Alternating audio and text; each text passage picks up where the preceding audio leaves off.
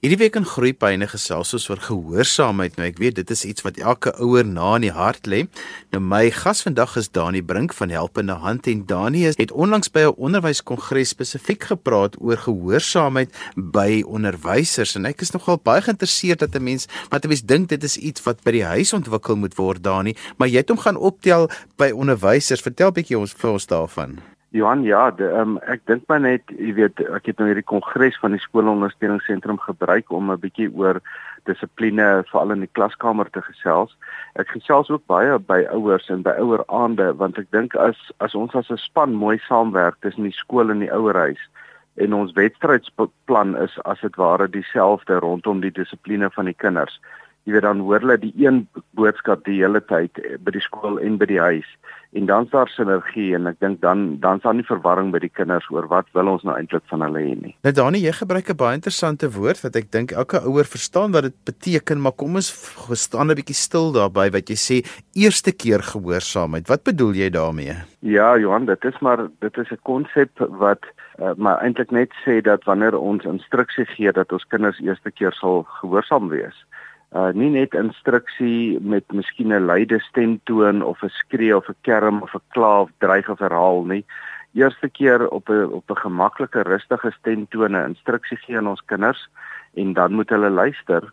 Ehm um, jy weet in 'n in 'n huis en 'n gesin waar eerste keer gehoorsaamheid teenwoordig is, is die kinders rustig, daar's min instruksie, daar's nie kerm of kla of dreig of herhaal in hulle ore nie maar wanneer pa of ma iets graag gedoen wil hê of die kinders moet kom bad of kom eet of so aan, gee hulle instruksie en die kinders luister dan eerste keer. Dis ehm um, dis selde wat 'n mens dit werklik waar reg kry, maar maar dis die dis die hoë standaard waarheen ons moet streef. Want dan die daar's 'n direkte verband tussen eerste keer gehoorsaamheid by die huis en eerste keer gehoorsaamheid by die skool en dat dit ook 'n kind se sukses kan beïnvloed by die skool byvoorbeeld. Ja nee, definitief. Jy weet, mens kry so baie instruksie by die skool.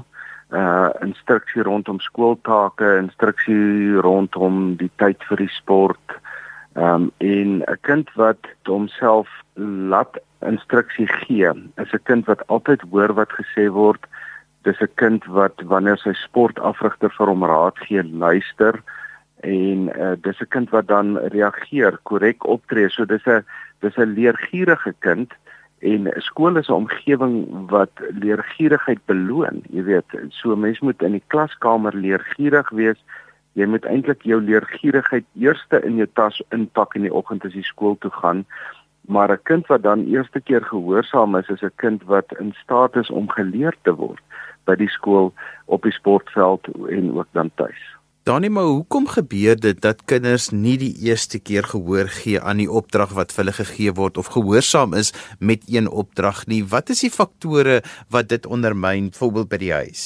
Ek Johan gebruik die die term kindgesentreerdheid. Nou kindgesentreerdheid is 'n is 'n negatiewe konsep waar kinders voel en prakties ervaar dat hulle so bietjie, jy kan amper sê die middelpunt van die gesin of van die skool of van die klaskamer is uh dit terwyl 'n gesin is eintlik 'n volledige gesin wanneer pa en ma die dag getroud is en 'n kind kinders is 'n baie welkome toevoeging tot die gesin.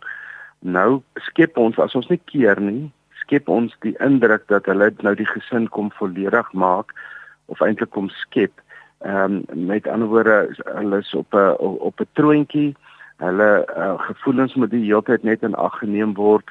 Hulle moenie nou en dan 'n werkie doen nie. Hulle moenie bietjie geduld hê, bietjie vergewe, bietjie wag, bietjie geduldig wees, bietjie uh, verveeld wees soms nie. So ons skep in die moderne wêreld vir kinders hierdie kunsmatige um 'n gevoel van dat hulle die middelpunt van alles is. Dit terwyl mense ons as groot mense weet, ons is nêrens so die middelpunt van die wêreld nie. Nie by ons werk nie, nie by ons sportklubs nie, nêrens nie. En, en dis die kunsmatigheid van waaruit ons dan uh amper half glo dat ons kinders kan nie foute maak nie, jy weet. Dis nie ons kind wat by die skool foute maak nie. Met ander woorde, nou begin ons vir hulle opstaan by die skool teenoor kwessies waar hulle eintlik ook maar net sondig is en jy weet hulle het ook maar redding en genade nodig en nou en dan gaan hulle foute maak en dan moet hulle gestraf word en straf is bloot maar die logiese gevolge van verkeerde keuses en dade ervaar. Dis nie vernyn of liefdeloos of niks van daai nie.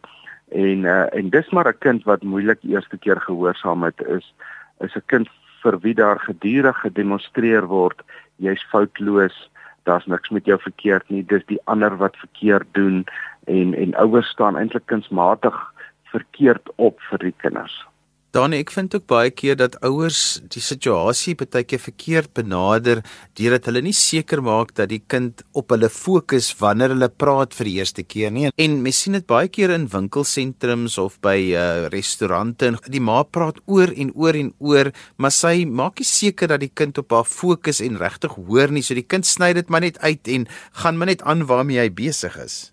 Ja, jy is heeltemal reg Johan. Ons moet ehm um, by van hierdie kursusse wat ek en Lisa al gedoen het, word ons geleer om kindertjies van kleins af al ehm um, te vra, kyk vir my, uh, jy vat die gesiggie so tussen die handjies en jy sê en dan gee jy instruksie en dan moet die kind ook sommer antwoord met 'n ja pappa of 'n ja mamma. Dis amper so 'n morele kontrak wat hierdie klein kindjie met jou sluit. Goed, ek het gehoor wat jy sê en nou gaan ek doen wat jy sê. En so leer mense kind van kleins af om op jou te fokus en dan ook uh te ek weet amper erkenning te gee. Goed, ek hoor wat jy sê.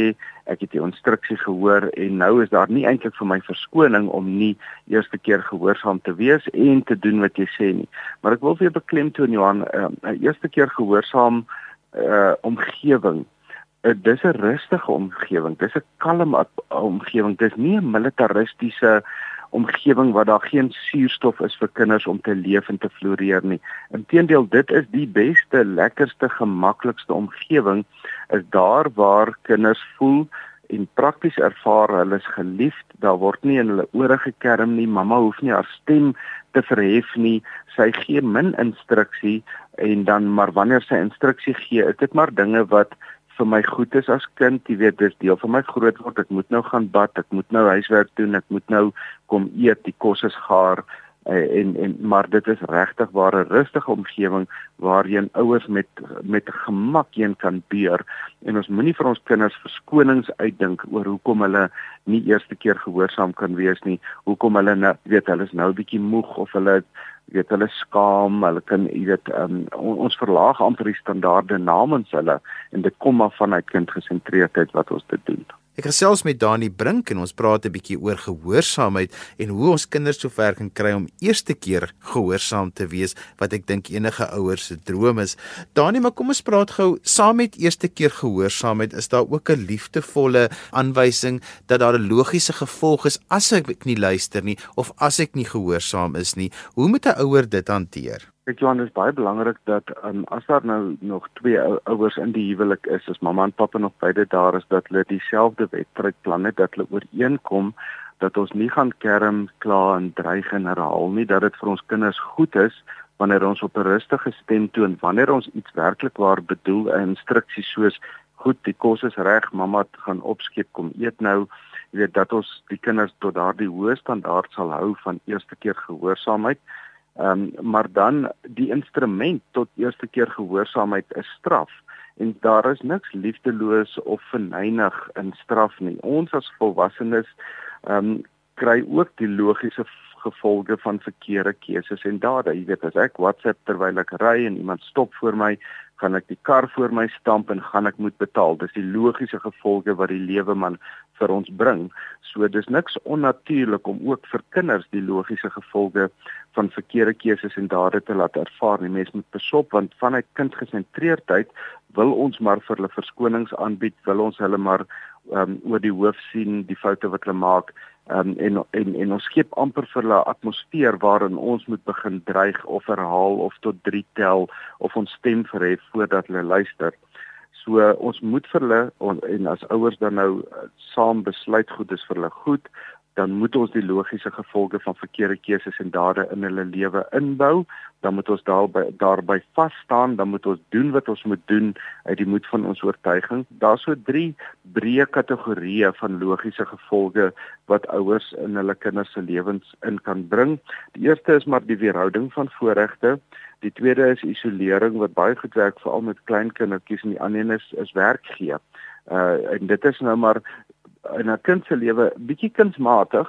Jy weet in die volwassenes, jy weet as ek die hele tyd laat kom by die werk, gaan ek my werk verloor. So dit is dit is 'n baie meer direkte uh gevolg van my verkeerde keuses en my die sondige optrede wat ek het. Maar ons as ouers moet so amper bietjie kunsmatig ehm um, strawwe in die kinder in die lewe van ons kinders inbring om hulle die logiese gevolge te laat voel van verkeerde keuses en dade. Danie, as 'n mens hierdie strawwe soos byvoorbeeld weerhouding van voorregte en isolering wat maar soos die term time out is wat mense ook baie goed ken of 'n werkie wat hulle moet doen vir straf, wil inbring in 'n huis. Hoe hoe implementeer 'n mens dit in 'n huis waar dit voorheen nou nie die geval was nie en nie die norm was nie? Johan, ja, dis baie belangrik. Ek ehm um, sê maar altyd vir ouers kyk uh, ons moet ook maar 'n stuk belydenis doen as ons te veel gekerm en geklaat. So ek dink dit begin by 'n belydenis om ons kinders te laat sit, hulle is intelligent, hulle is die intelligentste wesens in die wêreld en om vergifnis te vra vir dit wat ons verkeerd gedoen het, verkeerde gewoontes waaraan ons verval het, miskien uit onkunde is 'n baie goeie ding. Mens kry myle, jy kry kredietwaardigheid by jou kinders, jy wys jou menslikheid, deur vir hulle te sê kyk mamma en pappa het gesels ons het hierdie praatjie gehoor en daar is dinge wat ons verkeerd doen ons kerm te veel ons dreig en herhaal te veel. Sal julle ons asseblief daarvoor vergewe? So ek dink die beginpunt is werklik waar 'n belydenis en 'n vergifnis vra en dan om 'n paar penne in die grond in te slaan om te sê luister hier is 3 4 dinge wat vir ons ononderhandelbaar is. Uh, dit is dinge wat vir julle opvoedkundig goed is weet maar dat ons julle nou gaan straf as julle in die toekoms dit verkeerd doen. En dan moet 'n mens deurvolg. Dan moet mens die moed van jou oortuiging hê om rustig, kalm die eerste keer wanneer van daai belangrike dinge oortree word dat 'n mens dan sal straf. En een van hierdie drie uh, metodes is baie goed uh, mens moet maar natuurlik altyd net pasop vanuit hierdie kindgesentreerdheid waar die samelewing eintlik vir ons predik ons kinders is foutloos hulle het nie sonde nie ehm um, sal ons te lig straf. Met ander woorde die isolasie of time out soos jy dit noem sal te kort wees. Die werkie wat ons gee as ons nie pasop nie sal dit te min wees en nie eintlik impak in hulle lewe hê nie. En dan as ons voorregte weerhou dan sal ons dit vir te kort weerhou. Met ander woorde, ons moet werklik waar vooraf vir die kinders sê hoe lank hulle voorregte gaan verloor of hoe lank hulle geïsoleer gaan word of hoe baie werkies hulle gaan doen en dan moet ons asseblief pasop dat ons nie te lig straf nie want dan dis amper asof ons daai goeie grondwerk wat ons gedoen het ongedaan maak. Danie, maar weet jy, dit breek altyd my hart as 'n kind hartseer is of as ek nou moet nee sê. En dit is vir my as ouer baie moeilik om te sê nee en hulle is so ongelukkig. Ek wil mos eintlik my hê my kind moet gelukkig wees. Soos ek een van daai ouers is wat regtig wil hê my kind moet net gelukkig wees en nou moet ek nou as ek hierdie bad cop en en dit dit is dit is 'n moeilike ding om in jouself mee vrede te maak. Ja nee, kyk mens moet oor met mens moet die oortuiging hê dat ehm um, dit dit is nie noodwendig altyd die regte ding dat ons kinders alles het en alles kry wat hulle graag wil hê nie. Die lewe werk so ons as volwassenes ehm um, ervaar dit daagliks ons moet maar ehm um, ons salarisse spaar om 'n ding in die hande te kry op 'n stadium en uitgestelde bevrediging is byvoorbeeld een van die dinge wat Paul Tuff in sy boek um How Children Succeed noem as 'n eienskap of 'n kwaliteit wat van kinders suksesvolle volwassenes maak. Met ander woorde ja, ons kan nou miskien 'n bietjie dik mond kry of 'n bietjie hartseer of trane of emosionele manipulering omdat ons kinders iets wil hê, maar ons moet die moed van ons oortuiging in die dag lê om te weet dis goed vir my kind, dis regtig waar goed vir hom of haar om nie nou hierdie nuwe speelding te kry nie om bevrediging bietjie uit te stel is 'n lewenskwaliteit wat vir ons kinders goed is. Um, en hulle sal daarby baat. En Boltaf sê vanuit navorsing dat dit vir ons kinders byvoorbeeld goed is net om maar een van die agt kwaliteite te noem uh de, om bevrediging uit te stel. Danie, jy verwys heeltyd vir my na 'n baie interessante ding dat die mense altyd graag wil hê jou kind moet perfek wees of dat jou kind nie moet verkeerde keuses maak nie, maar die realiteit is is dat ons kinders verkeerde keuses en dade maak en dat dit eintlik gesond is as hulle dit doen. So dis nog hulle ingesteldheid van ouers is dan ook die om te besef van my kind is nie perfek nie. Ek bedoel ons as volwassenes voel dit aan ons eie basse daagliks dat ons nie perfek is nie. Uh jy weet daar's 'n baie groot lyn te trek met die evangelie ook waar Jesus vir ons sê jy weet jy het redding nodig en jy hoef glad nie perfek te wees nie. Vlug net na hom toe vir redding en ons moet vir ons kinders ook maar dit modelleer dat ons verwag nie van jou perfektheid nie. Glad nie. Inteendeel ons maak elkeen elke dag foute en ons moet belydenis aflê uh, voor God en ander mense en ons moet vergifnis vra en uh, maar ons moet net nie vir ons kinders so 'n sagte landing gee dat hulle voel en prakties ervaar dat hulle nooit foute maak nie. Inteendeel, mamma gaan nog uh, met die juffrou kwaai wees omdat mamma dink dat ek nie die of daai fout gemaak het nie en ek dink dis dis van die mees onopvoedkundigste dinge wat ouers kan doen is om hulle kinders te laat wegkom met verkeerde dade. Jy weet, ehm um, dis amper asof mens hulle red van groot trauma in die groot mens wêreld as 'n mens byvoorbeeld van iets soos oneerlikheid werklik waar iets groots maak. Mense red amper hulle lewe. Jy jy weet hulle gaan eendag eh, hulle gesinne in skuld dompel omdat ons lig gemaak het van oneerlikheid en eendag steel hulle dalk geld by die werk. Jy weet so nou om nou maar bietjie